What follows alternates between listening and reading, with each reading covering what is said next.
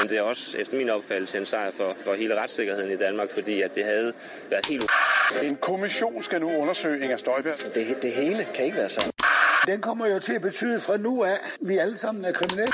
Men de når ikke at slå alarm, før gummigeden med et enormt brag smadrer et 13 gange 6 meter stort hul i fængselsmuren. Og vi ved så ikke, hvad der sker med den her domstol. Hvordan vil den tolke lovgivningen?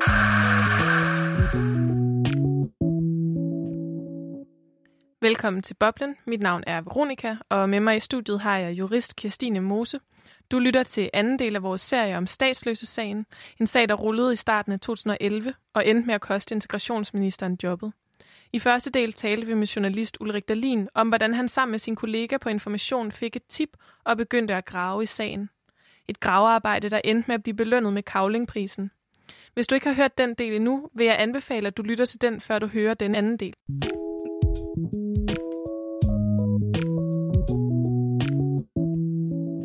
Du lytter til Boblen, hvor jeg, Veronika, sammen med jurist Christine Mose, i dag har skruet tiden 10 år tilbage for at dykke ned i den skandale om behandlingen af statsløse palæstinensers ansøgninger om at opnå dansk statsborgerskab, som førte til daværende integrationsminister Birte Røn Hornbæks fyring som minister.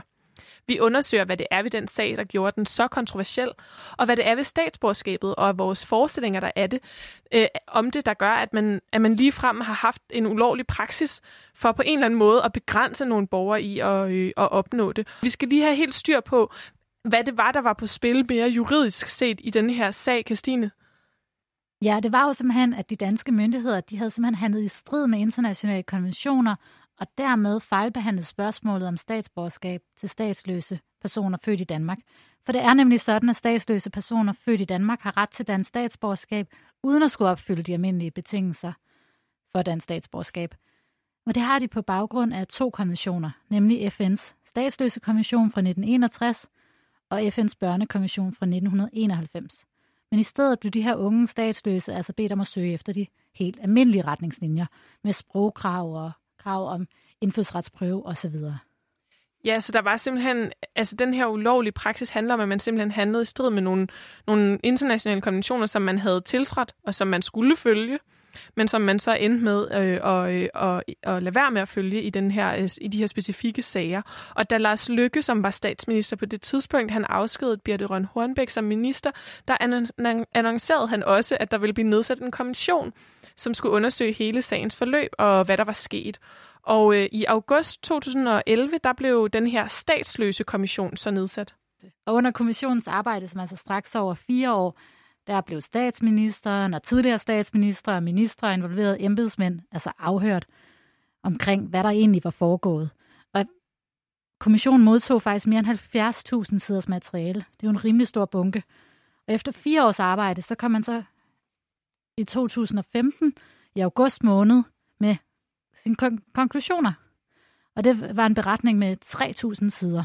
Så det, der er et rimelig omfattende både materiale, den her kommission har skulle igennem, men også et rimelig omfattende, omfattende materiale for dem, der, øh, der gerne vil forstå, hvad, hvad kommissionen var kommet frem til. Ja, så har der jo været nogle konklusioner, som blandt andet var, at ministeriet havde handlet i strid med Danmarks internationale forpligtelser.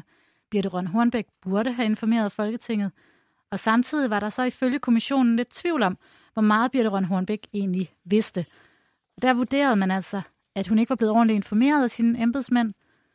Og faktisk var det sådan, at to embedsmænd blev draget til ansvar for ikke at have reageret, da de blev klar over den ulo- ulovlige sagsbehandling. Så det var kon- konklusionerne på denne her øh, kommission, som skulle undersøge, som brugte fire år på at undersøge, hvad det var, der var øh, op og ned i den her sag, som altså rullede i starten af 2011. Øh, og nu har vi fået et indblik i, øh, i den her sag fra nogle af hovedpersonerne fra den gang. Og lige nu taler vi med øh, Eva Erspøl, som er seniorforsker i Merita ved Institut for Menneskerettigheder. Og hun er nok også Danmarks øh, førende ekspert i det, som hedder indfødsret, altså det her med, hvem der har ret til statsborgerskab, hvad man skal gøre for at opnå statsborgerskab. Øh, øh, vilkårene for at opnå statsborgerskab i Danmark. Og vi har lavet et interview med Eva Erspil over telefon, som vi har redigeret lidt for lydkvalitet og klarhed, og det kommer her.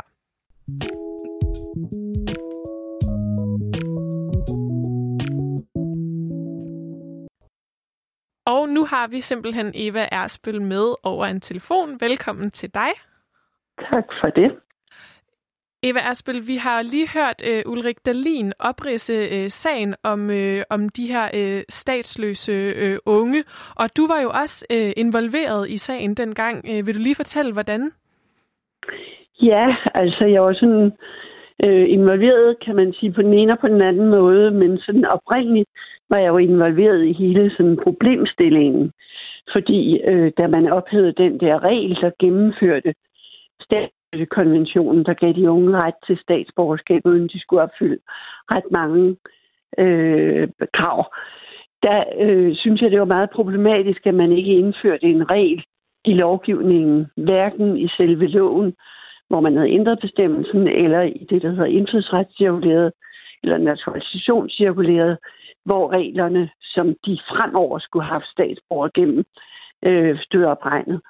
Så de unge der, de vidste jo simpelthen ikke, at de havde et retskrav på statsborgerskab. De vidste ikke noget om, at hvis de var født i Danmark og søgte, og det var først dem, vi har tænkt på dengang, dem, der kunne søge, når de blev 18 år, og så tidligere havde de kunne få statsborgerskab ved en erklæring, og pludselig kunne de ikke det længere. Og det havde de retskrav på at få, øh, og der galt ikke de almindelige retskrav eller øh, strafkrav. Der galt ingen sprogkrav eller indfødsretsprøve eller nogen af de her almindelige krav, som ansøger ellers skal opfylde. Det vidste de bare ikke. Og så tænkte jeg, hvis man ikke ved, at man har et krav på at få en status, som jo er super vigtig, fordi det at få statsborgerskab, når man ikke har noget, når man er statsløs, og dermed ikke har noget tilknytningsforhold øh, til en stat, der giver en både alle rettigheder til stilling og til demokratisk indflydelse øh, og ubetinget ret til at være i landet, så er det jo en rigtig vigtig rettighed. Og når man ikke ved, at man har den, så søger man måske ikke, hvis man kan se, at man har fået offentlig hjælp eller et eller andet i en periode, hvor man tror, så kan man ikke få den. Så derfor så skrev jeg til ministeriet, da de lavede cirkulæret, vedtog et nyt cirkulære, efter man havde ophævet reglen. Så skrev jeg, at jeg synes bestemt, at de skulle indføre en regel i det her cirkulære. Sådan så, at man simpelthen kunne... Øh, yes. Så man kunne vide, hvilken retsstilling man havde. Ja. Øh, og det, jeg tænkte dengang, det er jo, at der er jo en kæmpe stor risiko for, at de unge ikke får deres ret. Det jeg overhovedet mm. ikke havde forestillet mig, fordi de ikke kender den. Mm. Men det, jeg heller ikke havde forestillet mig, det var jo det, der viste sig senere, at embedsmændene så heller ikke kendte den. Øh, det gjorde det jo så dobbelt slemt, kan man sige. Men, men det var ligesom starten på min involvering i det her spørgsmål, at jeg skrev til ministeriet, eller til ministeren, det vil sige, det gjorde Institut på Menneskerettigheder, underskrevet af vores daværende direktør, et brev om, at det burde man gøre. Og, og efter det her, øh, altså det er jo så allerede før den her sag, den begynder at blive afdækket. Det var allerede i januar 2006. Okay, og så det er nogle år før. Det må man sige, ja. ikke? Og man kan sige, øh, de mange forkerte afslag, der blev givet, de blev givet i tiden efter det der. Det viser sig jo faktisk også, at givet nogen før. Men den, den store bunke af afslag, de blev givet derefter. Så hvis man havde gjort det dengang, så havde jo dagen jo slet ikke udviklet sig, så havde den ikke været der, kan man sige. Men desværre skrev man dengang, at den mulighed, man havde, altså hvor man havde vedtaget, at hvis de søgte, så ville de få det, selvom det ikke stod nogen steder, den fandt man var fuldt ud tilstrækkelig. Det var jo super ærgerligt. Ja, og, øh, og altså, så, så, så fortsætter den her, altså så er der den her praksis, som ingen ved rigtigt, at de her øh, regler er der, hverken dem, der har øh, rettigheden, eller viser det så sidenhen øh, de embedsmænd, øh, der skal sidde og, og behandle de her, øh, de her ja. sager. Så der opstår jo den her ophobning af, af sager, der bliver fejlbehandlet, og folk, der også rent faktisk får, øh, får afslag, de ikke skulle have haft. Ja. Øhm, så begynder der jo at komme fokus på, øh, på sagen, netop som vi har hørt Ulrik Dahlin øh, oprise, at de får det her tip. Men hvordan husker du øh, den sag, da den så begynder at rulle? Jamen, jeg husker den jo ved først, at jeg, fordi det er jo mit område, om jeg så må sige, det er jo det område, jeg i væsentlig grad beskæftiger mig med, og det vil sige, at jeg følger med i, hvad der foregår. Ja. Og det vil sige, da de vedtog efterårets lovforslag, det der lovforslag, der fik Hanne Aersnap til at reagere, da ministeren sagde, at jeg har besindet mig. Øh, da de vedtog det lovforslag, der underviste jeg i kursusfag på universitetet, og der sagde jeg til de studerende, hov, nu sker der et eller andet. Nu skal I være opmærksomme, fordi under første behandling af lovforslaget, der sagde Søren Krav fra Dansk Folkeparti, at nu ville de nok ikke længere være en del af den aftale, for det var bristede forudsætninger for dem, at man gav unge statsløse. Der var jo 35 ansøgere, fordi der var sket den ophobning, som jeg også siger, ikke? Mm. Øh, på det her lovforslag. Det var helt usædvanligt mange, men det var fordi, de ikke havde fået deres ret i årene inden. Øh, og så siger han, det kan ikke være rigtigt, fordi Dansk Folkeparti og navnet Søren Krav har altså en meget ideologisk indstilling til, til staten og nationen og folket, øh, og hvem der bliver en del af det, og det er kun det danske folk og det danske folks repræsentanter, der kan beslutte, beslutte det. Og han synes ikke, konventioner skulle spille nogen rolle. Og derfor sagde jeg til de studerende, hør nu efter, for nu kan det være, der kommer et nyt cirkulær, og måske nogle andre regler, det kunne have været spændende. Men det var ikke sådan, det udviklede sig. Øh, og så øh, efter lovforslaget der var vedtaget, øh, så ringede han sådan gejst, og senere havde jeg jo sådan mange samtaler, både med ham og med Ulrik Dalin, øh, øh, og sagde, øh, ved du noget om det her, og hvordan og hvorledes er det? Og så forklarede jeg, at det er et problem med selve systemet. Og så forklarede jeg også, at det havde jeg skrevet om der i januar 2006, og senere i min afhandling og bedt om agtindsigt og så videre. Øh, og så var, øh, var de jo også meget interesserede i, i den synsvinkel, fordi så burde man måske have vidst noget længere tilbage og så. Så det var en del af hele deres opklaringsarbejde. Også at få nogle af de der informationer. Så på den måde mm. kan man sige, der var jeg også involveret omkring, omkring overskiftet. Ja. Og så skete der jo det, at øh, da de havde lavet den der super grundige research, øh, Anton Geis og Ulrik Dahlin, øh, så begyndte de at skrive om det lige i begyndelsen af det nye år. Og, øhm... og så bullede det jo løs øh, med alle mulige ting. Og der skete både det ene og det andet, som Ulrik Dahlin også har fortalt. Blandt andet, at man begyndte at, og hvad hedder det, øh, komme med vejledning mm. på ministeriets hjemmeside. Og i den forbindelse med den der vejledning, hvor man faktisk stillede nogle krav, selvom man ligesom havde besluttet. Det var jo besluttet allerede der efteråret 2009, og Folketinget var orienteret i januar 2010, at man nu ville til at øh, følge en praksis, hvor konventionen fuldt ud blev overholdt. Mm. Så blev der alligevel der på hjemmesiden stillet nogle krav om underskrift af erklæringer osv., øh, som jeg ikke mener, man kunne stille Nej. efter konventionen. Og så tog jeg kontakt til kontorchefen og sagde, det mente jeg ikke, de kunne. Og hun gav så min mail videre til Bjørn Røn Hornbæk, øh, der så endte med at indbyde mig til et møde, og så havde vi en lang vej drøftelse af sagen der i, i januar. Ja. I hele den der periode, hvor Bjørn Røn Hornbæk som integrationsminister prøvede ligesom at få gjort det hele godt igennem. Mm. Og hvordan så, Eva, fordi at, at det var en virkelig, virkelig vigtig sag tilbage i 2011, men ja. hvad for en betydning tænker du, sagen har haft sådan, sidenhen, og står den som en afgørende sag i dag? Det synes jeg faktisk er rigtig svært at svare på. Øh, fordi altså på den ene side ja, og på den anden side nej. Altså den, øh, den var jo virkelig speciel. Øh, og i modsætning til nogle andre sager, altså nu har vi for eksempel Instrukskommissionen, hvor det helt klart, der var en minister, der ville noget, hun ville adskille de her unge par.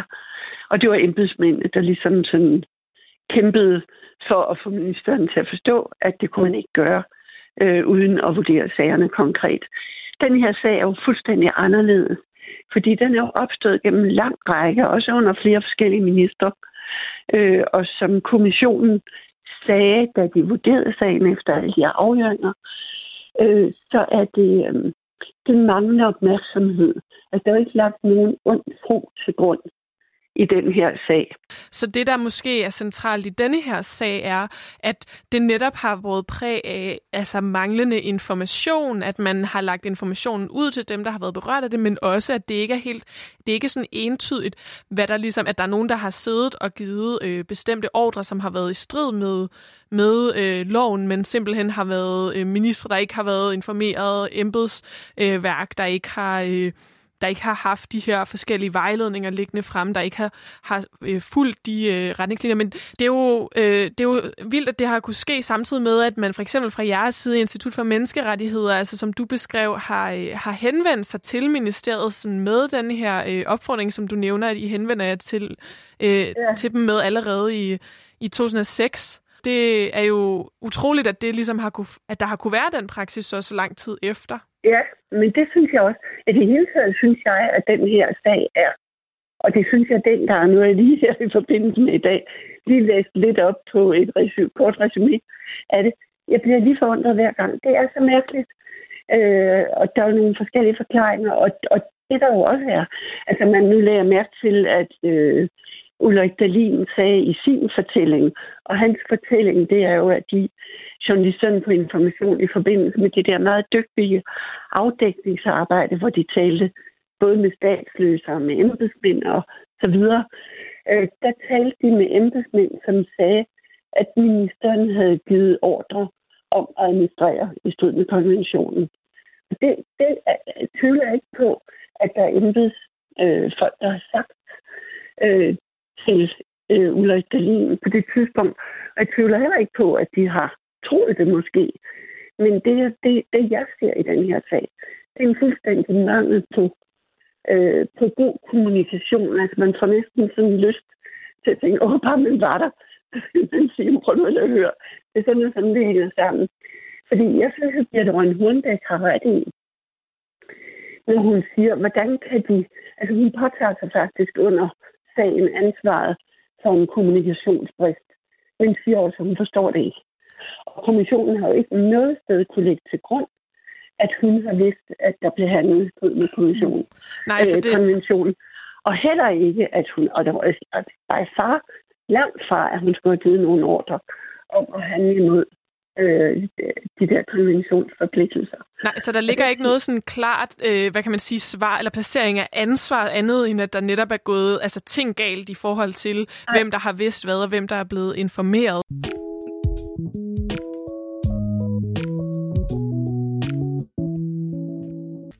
Du lyttede til anden del af Boblens serie om statsløse-sagen. En sag, der rullede i starten af 2011 og endte med at koste integrationsministeren jobbet.